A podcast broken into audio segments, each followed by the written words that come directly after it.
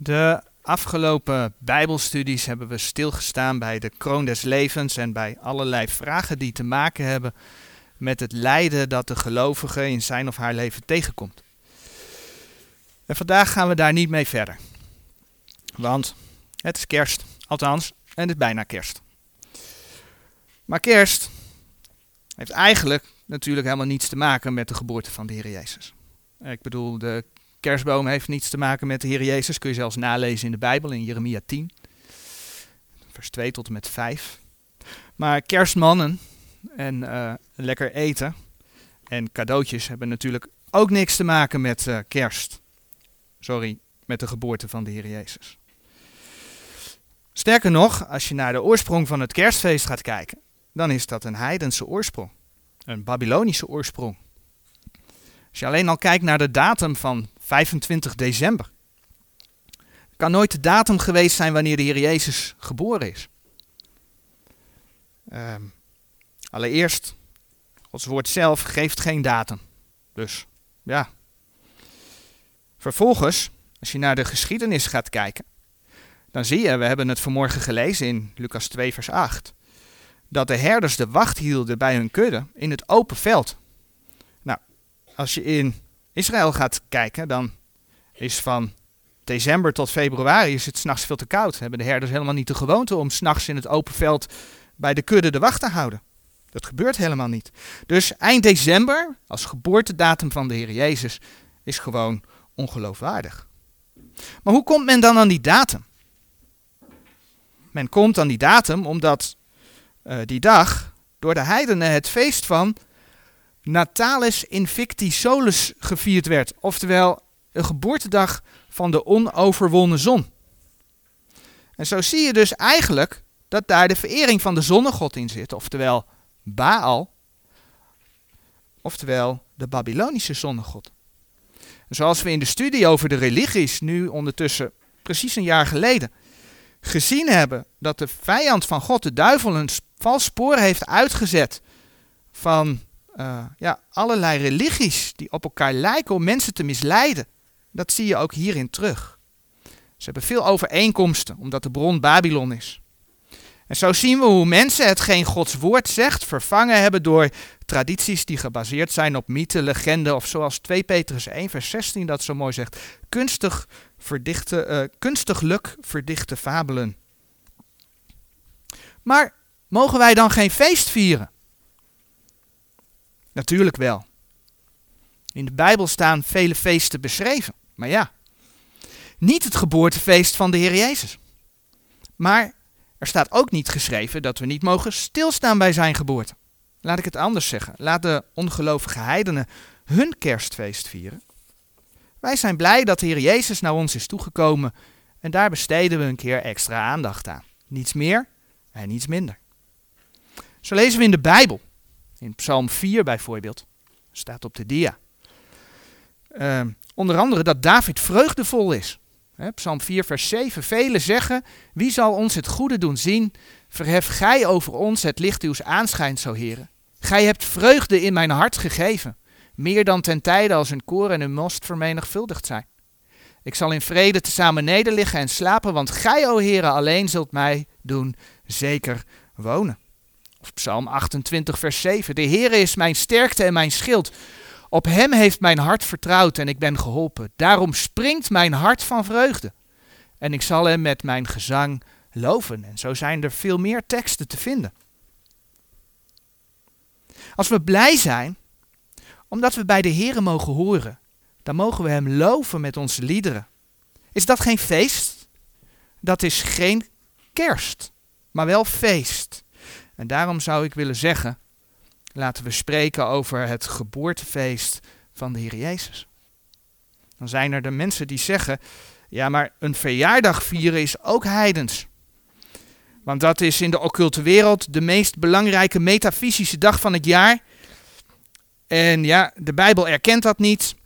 En er staan maar twee verjaardagsvieringen in en die eindigen in een executie, vond ik geschreven. Ja, het klopt dat er in Prediker 7 vers 1 het volgende staat. Beter is de dag des doods dan de dag dat iemand geboren wordt. Oh, daar staat Psalm 4, vers 7 nog. Dat moet Prediker 7, vers 1 zijn.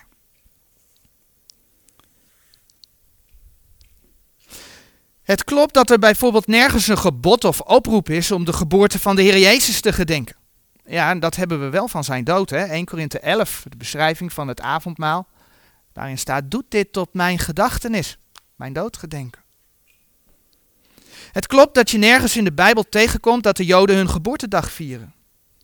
Maar als je de Bijbel gaat kijken, alle, alle geslachtsregisters die daarin staan, ze deden er wel iets met hun geboortedag. Ze hielden het in ieder geval bij. Er zijn hele passages in de Bijbel met geslachtsregisters. In Genesis 46, eh, vers 20, daar lezen we een klein stukje daaruit. En Jozef werd geboren in Egypteland. Manasse en Ephraim, die hem Asnat, de dochter van Potifera, de overste, te onbaarden. In sommige geslachtsregisters staan de leeftijden erbij. Dan kun je bijvoorbeeld in Genesis 5, vers 1 tot 32 kijken. Uit andere geslachtsregisters blijkt dat men mensen telt van zoveel jaar en ouder. Ook daar moet het in ieder geval bijgehouden zijn. Je kunt bijvoorbeeld daarvoor in nummer 1 vers 18 kijken. We zien in elk geval dat de Heer hele lijsten met namen geeft. En vele namen in die lijsten zijn, die laten zien dat ze verbonden zijn met de zonen van Jacob. En Jacob was Israël. En het Nieuwe Testament verklaart dat de koning van Israël, dat dat Gods zoon is. En daarvoor kun je bijvoorbeeld in Johannes 1, vers 34 en, en vers 50 kijken. De koning van Israël is Gods zoon. De Heer laat de afstamming zien dat zijn woord in vervulling gaat. En heeft daarmee in eeuwigheid, ja, zoals Romeinen 3, vers 19 ook zegt, de monden gesnoeid van alle mensen die zullen verschijnen voor de grote witte troon. Het bewijs ligt in Gods woord. In ieder geval zien we dat geboortes in de Bijbel wel degelijk van belang zijn. En het mag dan zijn dat er geen opdracht is om verjaardagen te vieren. Ook hier geldt een verbod is er ook niet. En als er dan in Lucas 1 vers 14 over Johannes de Doper gezegd wordt, Lucas 1 vers 14.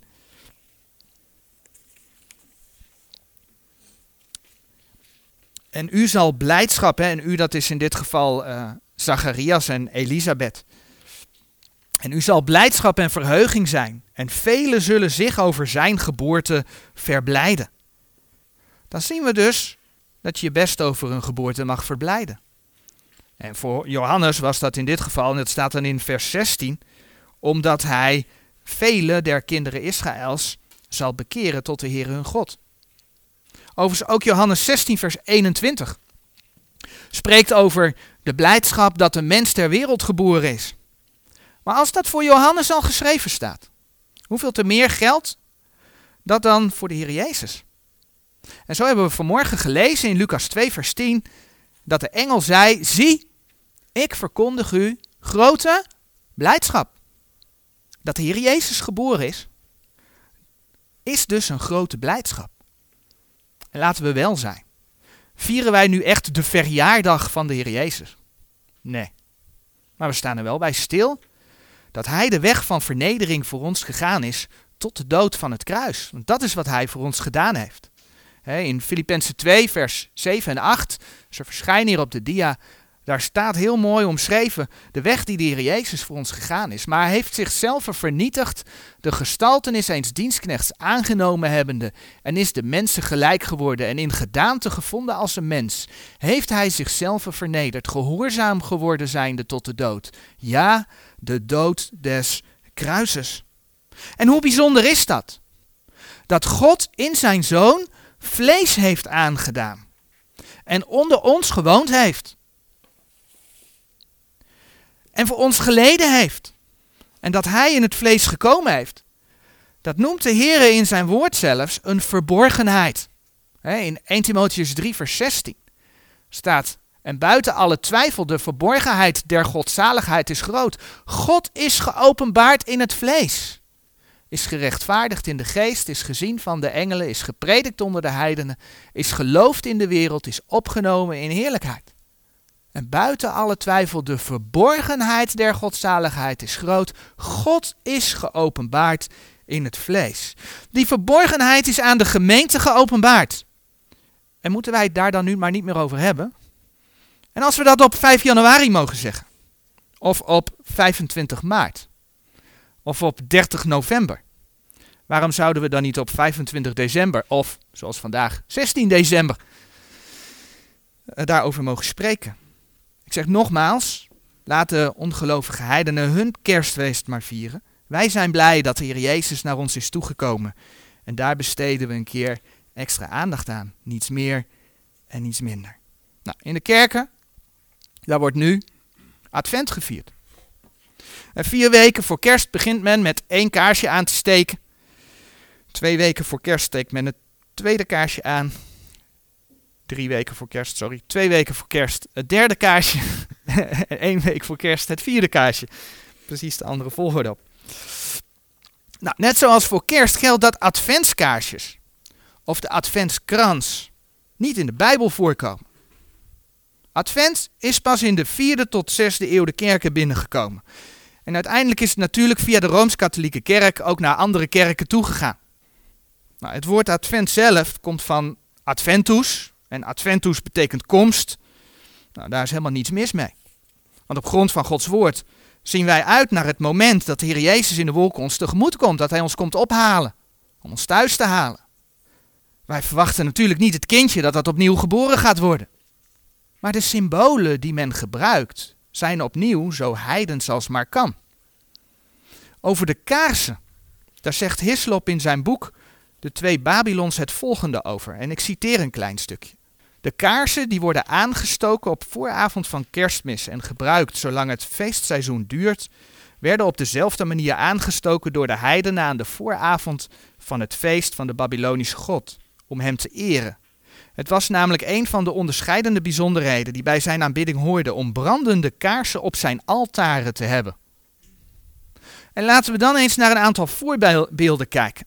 Als je gaat zoeken op internet naar altaren en kaarsen, dan vind je heel veel.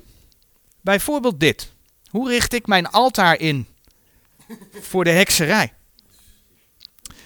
Je vindt ook een website voor satanische benodigdheden. En let op, al die kaarsjes die daar branden. Voor de duivel. Ja, bij yoga en meditatie zijn kaarsen natuurlijk ook heel erg belangrijk. Daar worden ze ook aangeraden.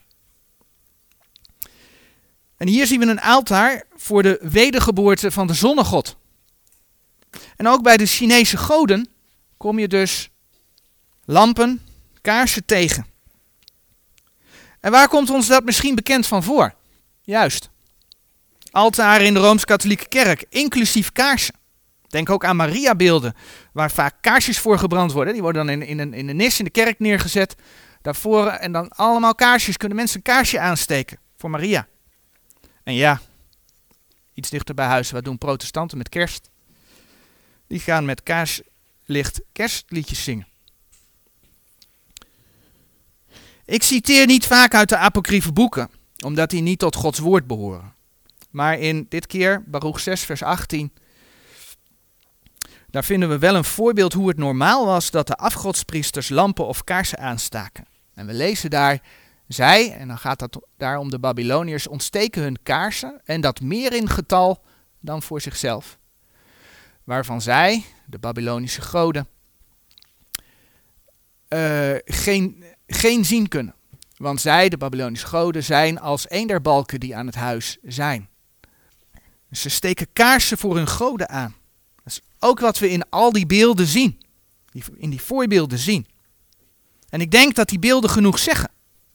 De kaarsen in de kerk hebben niet hun oorsprong in Gods woord, maar wel in andere heidense religies. En ja, dan komt de adventskrans. Waar dan die vier kaarsen op branden.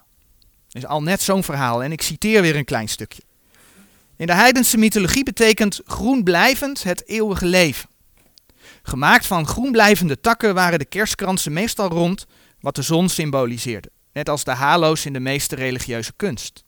Vandaar dat de ronde kerstkransen staan voor een eeuwige zon, een nooit stervende of zichzelf vernieuwende zon.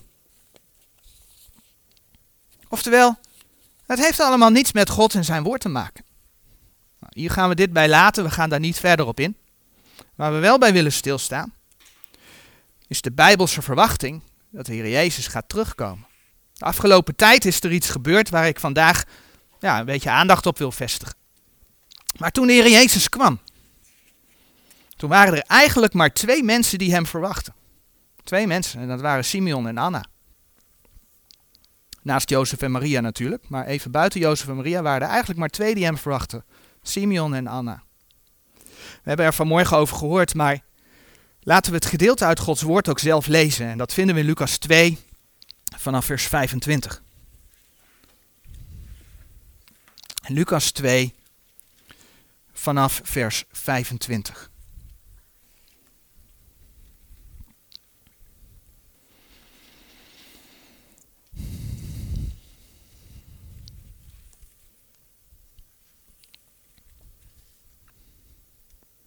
En zie, er was een mens te Jeruzalem wiens naam was Simeon.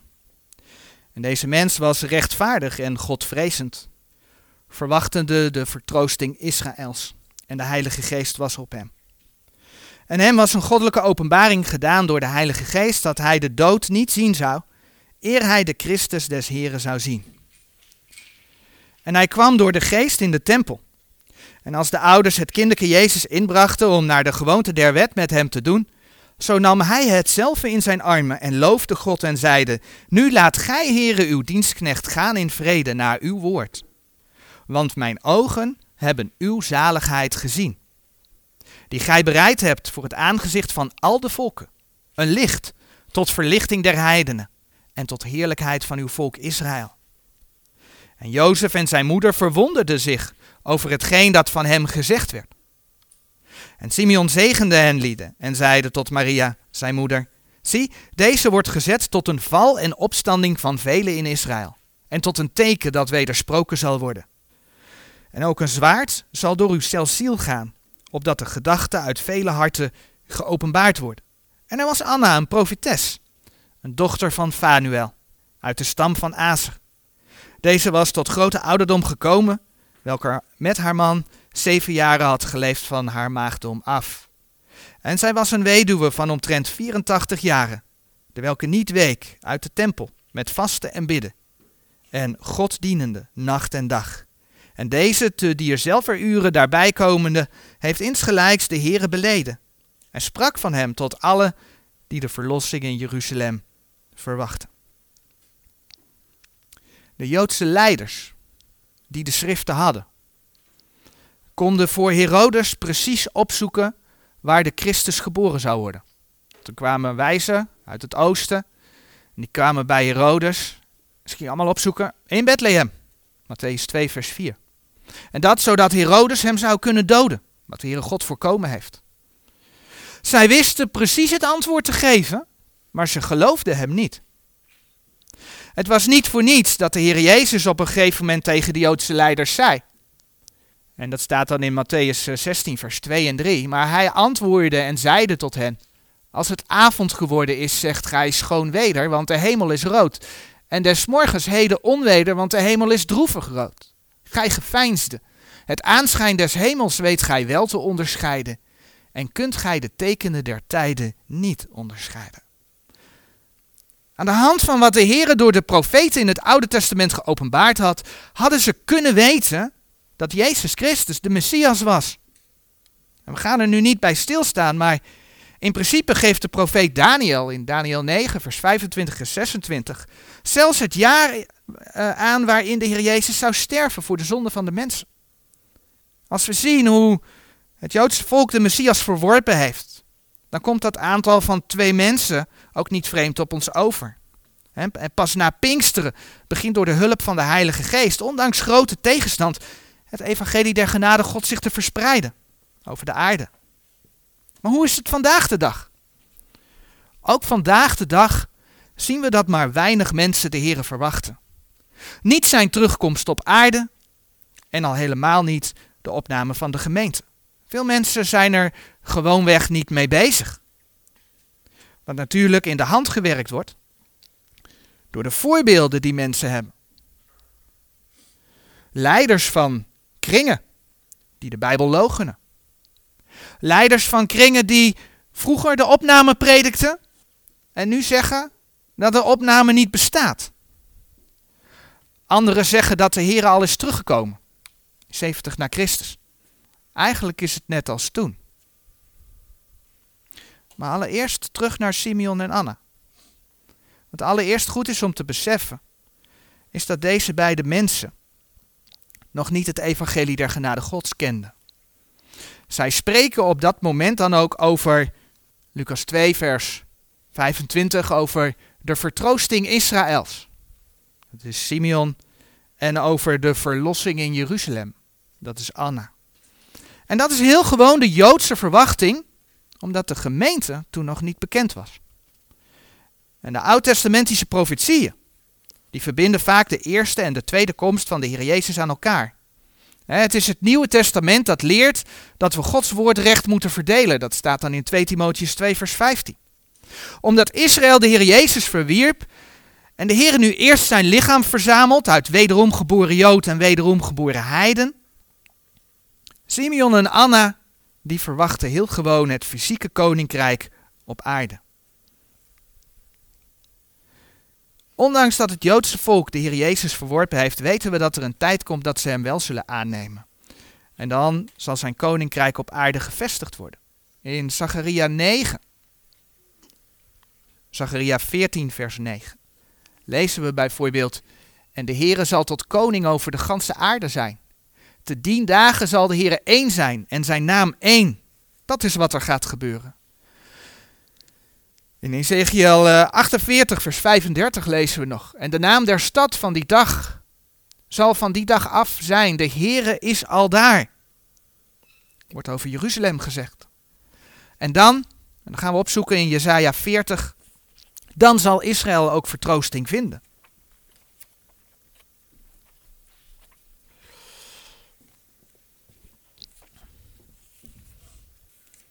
In Jesaja 40, vers 1.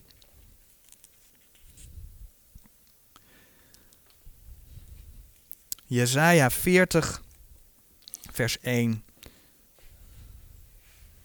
Troost, troost mijn volk, zal uw lieder God zeggen. Spreekt naar het hart van Jeruzalem en roept haar toe dat haar strijd vervuld is, dat haar ongerechtigheid verzoend is, dat zij van de hand des Heren dubbel ontvangen heeft voor al haar zonde. Overigens, ondanks dat de, uh, het oud-testamentische karakter van Lucas 2 zien we al wel dat de Heer rekening houdt met iedereen. In uh, de versen 31 en 32 van Lucas 2, daar lezen we dat uh, Simeon profiteert. Lucas 2, vers 31. Die gij bereid hebt voor het aangezicht van al de volken. Al de volken. Een licht tot verlichting der heidenen en tot heerlijkheid van uw volk Israël. En natuurlijk lag de belofte van de zegen voor alle volken ook al verborgen in het verbond met Abraham. Want tegen Abraham zei de Heer al, hè, in u zullen alle geslachten des aardrijks gezegend worden. Ook als Israël de Messias wel had aangenomen, dan zou uiteindelijk de zegen tot alle volken gekomen zijn. In de profeten lees je dan ook dat alle volken naar Jeruzalem zullen trekken, om de Heer in zijn koninkrijk te aanbidden. Zacharia 14, vers 16 staat geschreven: En het zal geschieden dat al de overgeblevenen van alle heidenen die tegen Jeruzalem zullen gekomen zijn, die zullen van jaar tot jaar optrekken om aan te bidden de koning, de Heere der Heerscharen en om te vieren het feest der Loofhutten. Het zal duizendjarig vrederijk zijn. Alle volken zullen naar Jeruzalem optrekken. En uiteindelijk weten we dat dit in de Heer Jezus verwerkelijkt wordt. Galaten 3, vers 16 maakt duidelijk dat de belofte door Jezus Christus vervuld wordt. En uiteindelijk is het evangelie met name eerst naar de heidenen gegaan, omdat de Joden de Heer Jezus verworpen hebben. Maar uiteindelijk zal hij ook voor Israël tot heerlijkheid zijn in zijn koninkrijk. Maar voordat het zover is, gaat er nog heel wat anders gebeuren. We hebben dit jaar stilgestaan bij Gods plan door de geschiedenis heen, dus ik ga het nu niet opnieuw uitwerken. We weten dat er een antichristelijk rijk zal komen waarin Israël eerst een verbond met de antichrist zal maken. Daniel 9, vers 27. Voordat zij tot werkelijk geloof zal komen. En eigenlijk geeft Simeon dit al aan. Simeon wist dat hij de Christus des Heren zou zien. Dat lees je in Lucas 2, vers 26. Hij zou de Christus des Heren zien. Lucas 2, vers 26. Die uitdrukking, de Christus des Heren, kun je bijvoorbeeld ook in Handelingen 4, vers 26 vinden. Maar het feit dat Gods woord spreekt over de Christus des Heren, betekent dat er ook meerdere Christussen zijn. En bedenk dan dat de Heer Jezus in zijn reden in Matthäus 24, vers 24, spreekt over valse Christussen. Wanneer hij spreekt over de grote verdrukking. Hij spreekt over valse Christussen die komen.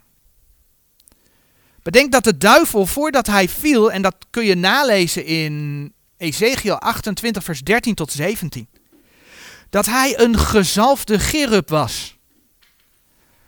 Dat betekent dat de duivel, voordat hij viel, de status van een gezalfde, hij was een Messias. Het woord Messias, het woord Christus, dat is gezalfde. En zo weten we dat de antichrist, de vleesgeworden duivel, zich zal openbaren en een verbond met Israël zal sluiten. En in het verleden hebben we natuurlijk vaker bij de tekenen der tijden stilgestaan. Ik heb destijds, ongeveer drie jaar geleden, een filmpje laten zien dat de Joden zingen: Wij willen de Messias nu. Wij weten dat dat de antichrist zal zijn. Nu, bijna twee jaar geleden, heb ik twee filmpjes laten zien van de Temple Institute. Waarin men de offers van het Oude Testament aan het oefenen was. Want men wil de derde tempel opnieuw bouwen. Onlangs op 10 december jongsleden werd het altaar van deze derde tempel ingewijd. En daar gaan we even een stukje van kijken.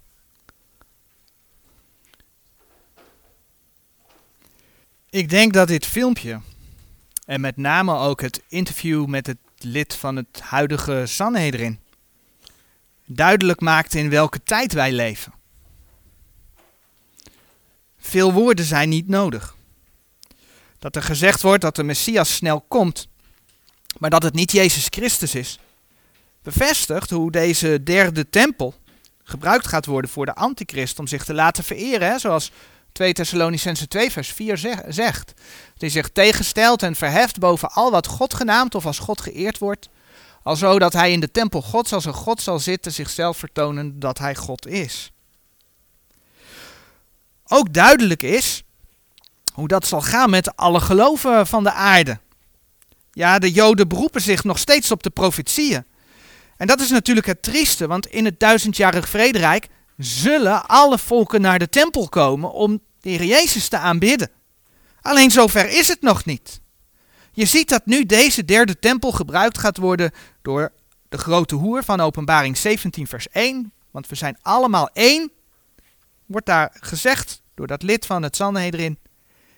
Maar uiteindelijk niet door haar, maar door de antichrist. Hij zal namelijk door alle religies geaccepteerd worden. Ook in eerste instantie door de Joden. En de Heer Jezus die profiteerde reeds. Ik ben gekomen in de naam mijns vaders en gij neemt mij niet aan, dat zei hij toen hij daar tegen de Joden sprak. Zo een ander komt in zijn eigen naam, die zult gij aannemen. Nou, je hoort het de beste man net zeggen. De Messias komt snel, maar het is niet Jezus. Dat is wat de Heer Jezus geprofiteerd heeft. En dat zien we dus in die filmpjes gewoon, ja, in vervulling gaan. En zo zien we hoe in vervulling gaat wat Simeon profiteerde in Lucas 2, vers 34. En Simeon zegende hen lieden en zeide tot Maria zijn moeder, zie deze wordt gezet tot een val en opstanding van velen in Israël. En tot een teken dat wedersproken zal worden. In het lid van het Sanhedrin zien we dat de Heer Jezus de val is van velen in Israël. De Heer Jezus wordt nog steeds wedersproken. Tegelijkertijd laat Gods woord zien dat hij uiteindelijk ook de opstanding van velen in Israël zal worden. Alles wijst erop dat de komst van de Heer Jezus nabij is. En wij mogen Hem verwachten. Wat een heerlijkheid, wat een troost in deze duistere wereld. Maar je merkt in diverse filmpjes op YouTube bijvoorbeeld, dat ze je soms ook, en sorry voor de woordkeuze die ik gebruik, maar gewoon gek proberen te maken. Alleen al blijvend bij het voorbeeld wat we zojuist gezien hebben. De ontwikkeling met de derde tempel, die is al heel lang gaande. Tussen het eerste filmpje, het eerste stukje van het filmpje, die zingende Joden die roepen we willen de Messias nu. Ja, we willen de Messias nu. En 10 december, daar zit drie jaar. Hoeveel tijd zit er tussen nu en de volgende stap? Dat kan één dag zijn, dat kan. Maar het kan ook weer drie jaar zijn. Uiteindelijk zijn de plannen voor de herbouw al van voor het jaar 2000. Ik kwam een oud blaadje tegen dat ik vroeger verzorgde, uit juli 96. En daar stonden de eerste plannen voor de herbouw van de tempel in. En dat is gebaseerd op een blad, uh, Israel Magazine, van uh, juli 1996. Overigens, zo kwam ik in het filmpje over de inwijding van het altaar op internet een variant tegen, waarin verteld werd: uh, het vuur blijft uitgaan, Jehovah blaast het uit, hij is er niet blij mee. Maar wat als het vuur wel in één keer aangegaan was? Was de Heer er dan wel blij mee geweest? En je snapt wat ik bedoel. Mensen roepen soms dingen die ongefundeerd zijn. Wanneer de grote verdrukking start, zal de antichrist op een gegeven moment, net als de Heer in het Oude Testament uh, bij Elia. De Heer, 1 Koningen 18 vers 38, ontstak het offer. Heeft Elia niks aan gedaan. Net als bij Salomo, toen hij zijn tempel gebouwd had in 2 Kronieken 7 vers 1, stak de Heere het offer aan. Deed Salomo, deden de priesters niet. God stuurde vuur van de hemel. Maar de antichrist, althans zijn valse profeet, die zal het vuur van de hemel roepen. En dat lezen we bijvoorbeeld in Openbaring 13, vers 13. En het doet grote tekenen, zodat het ook vuur uit de hemel doet afkomen op de aarde voor de mensen. Net als de man van het Sanhedrin zullen ze op de Bijbel wijzen en zeggen dat dat het vuur van God is. En reken maar dat dat vuur dan in één keer komt. De antichrist heeft straks die macht gekregen. Wat zal de verwarring onder velen compleet zijn? Zo heb ik in het verleden, en dan kom ik even terug op dat stukje uit het filmpje. Um, heb ik in het verleden in 2013 een voorbeeld laten zien van Cutting Edge. Dat vertelde dat bepaalde profetieën uit Jesaja 19 over de eindtijd over Egypte in vervulling gingen. Dat waren de eindtijdprofetieën, zeiden ze, van Egypte. En die gaan in vervulling. Ze vechten met elkaar. Maar in de Bijbel stond, en dat heb ik toen laten zien in Jesaja 19, dat alle Egyptenaren met elkaar streden. En als je naar het nieuws ging kijken, dan was het alleen in Cairo en ik geloof nog een plaats. Dus het klopte niet. Ondertussen is het geen 2013, maar leven we in eind 2018, dus we zijn weer wat jaartjes verder. Waaruit blijkt dat die grote verdrukking nog steeds niet begonnen is. Het filmpje, wat we net gezien hebben, sloot af met een stukje waarin iemand bijna in vervoering roept: Dit is het merkteken van het beest. Het gaat over het feit dat men in Zweden mensen chipt. Maar heel simpel, dit is niet het merkteken van het beest. Want de antichrist is er nog niet. Zijn profeet en beeld evenmin. Niemand kan hem nog aanbidden om het merkteken te ontvangen. Openbaring 13, vers 16 en Openbaring 14, vers 9 tot 11. Overigens ontving ik in 1995, 1995 een artikel uit het zoeklicht waarin stond dat ze in de Verenigde Staten al 17.000 kinderen en in Zweden, opnieuw Zweden, Zweden is daar op de een of andere manier een voorloper van, maar in 1995 al, dus niet in 2018, 7000 mensen gechipt hadden. 1995. En zo staat internet vol van de filmpjes die zeggen dat de Heer Jezus morgen, zo niet overmorgen komt. En laten we wel zijn, dat is heel goed mogelijk. Maar we moeten ook beseffen dat deze berichtgeving al jaren gaande is. En we moeten dus oppassen dat we ons niet door dat soort berichtgeving laten meeslepen en het hoofd op hol laten brengen. Maar het neemt niet weg dat alles gereed is om in werking gezet te kunnen worden. Maar dan komt hij, de enige die weerhoudt, dat is de Heer zelf. Want hij heeft tijden en gelegenheden in zijn hand. En wij, wij moeten onze Heer blijven verwachten. Alleen omdat de Heer het zo belangrijk vindt, alleen daarom al dat hij daar zelfs in de eeuwigheid een beloning, een kroon voor uitdeelt. 2 Timotheus 4, vers 8 spreekt daarover. Ook moeten we onze hoofden niet in het zand gaan stoppen. Als we om ons heen kijken, dan weten we dat het niet lang meer kan duren of de Heer komt ons halen. Maar daar komt hij. Maar hoe lang dat niet lang meer is, dat is iets wat wij niet weten.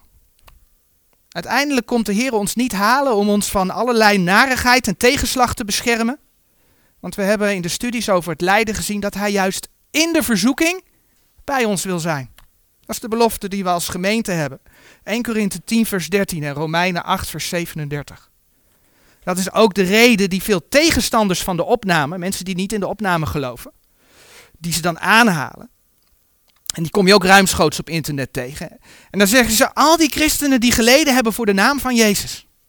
En die nu lijden voor de naam van Jezus. En wij maar denken dat we opgenomen worden, dat is makkelijk, zeggen ze dan. Maar dat is niet de reden. De opname gaat komen, omdat de Bijbel dat zegt. Er zijn gewoon te veel verschillen tussen wat de Bijbel beschrijft als de opname van de gemeente en de tweede komst van de Heer Jezus. De, opname van de gemeente die in een punt des tijds, in een ogenblik zal gebeuren, terwijl de wederkomst van de Heer Jezus op aarde zal plaatsvinden met macht en majesteit. En dan noem ik maar één aspect. Ook al omdat de Bijbel laat zien dat wij met Hem terug zullen komen. Als wij met Hem terug zullen komen, moeten we toch eerst opgenomen worden. Dus Hij komt ons halen. Niet om ons te sparen van verdrukking, maar wel om ons te halen voordat Gods toren over de aarde gaat. Wat wij tot die tijd nog mee moeten maken, dat weten we niet exact. Maar we worden wel degelijk gered van grote verdrukking. Grote verdrukking die door de toren Gods over de aarde zal gaan. Want die belofte hebben wij. Bijvoorbeeld in 1 Thessalonicense 1 vers 10. Aan de gemeente geschreven dat wij niet gezet zijn tot toren. 1 Thessalonicense 1 vers 10.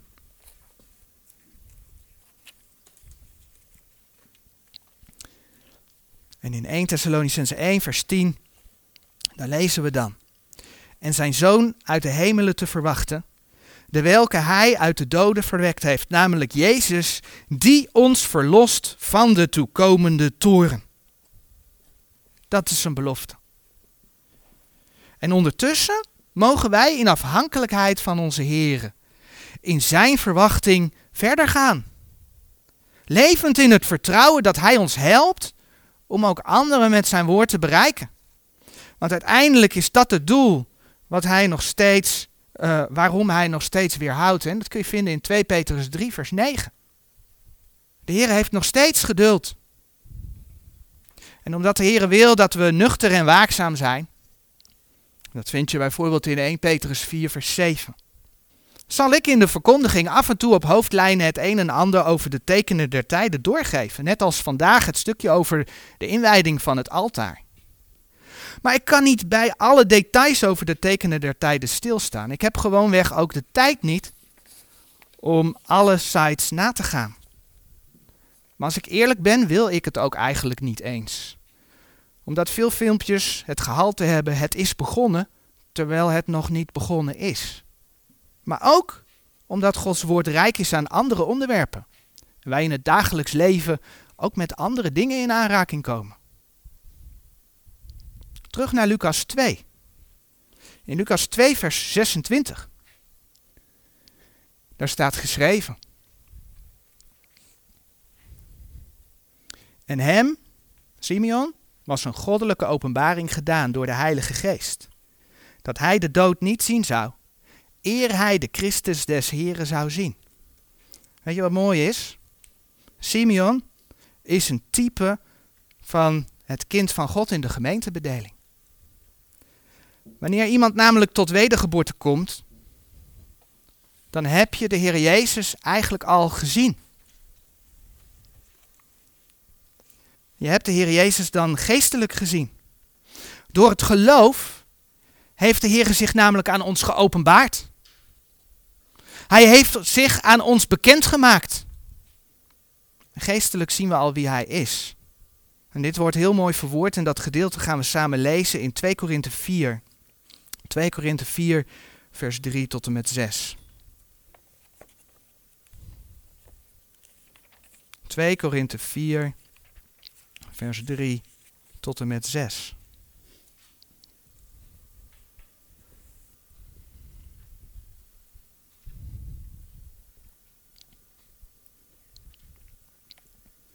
Twee Korinthe 4, vers 3. Doch indien ook ons evangelie bedekt is, zo is het bedekt in degene die verloren gaan in de welke de God deze eeuw de zinnen verblind heeft, namelijk der ongelovigen, opdat hen niet bestralen de verlichting van het evangelie der heerlijkheid van Christus, die het beeld Gods is. Want wij prediken niet onszelf, maar Christus Jezus, de Heere. En onszelf dat wij uw dienaren zijn om Jezus wil. Want God, die gezegd heeft dat het licht uit de duisternis zou schijnen, is degene die in onze harten geschenen heeft om te geven verlichting der kennis der heerlijkheid Gods in het aangezicht van Jezus Christus. Voor een wederom geboren gelovige sterft, heeft hij dus hoe dan, ook, hoe dan ook de Heer Jezus geestelijk reeds gezien. Maar het gaat ook heel letterlijk. Fysiek voor velen van ons gelden. Namelijk bij de opname. Bij de opname van de gemeente. Wanneer we opgenomen worden, dan zullen we onze Heer ontmoeten. Hem zien van aangezicht tot aangezicht.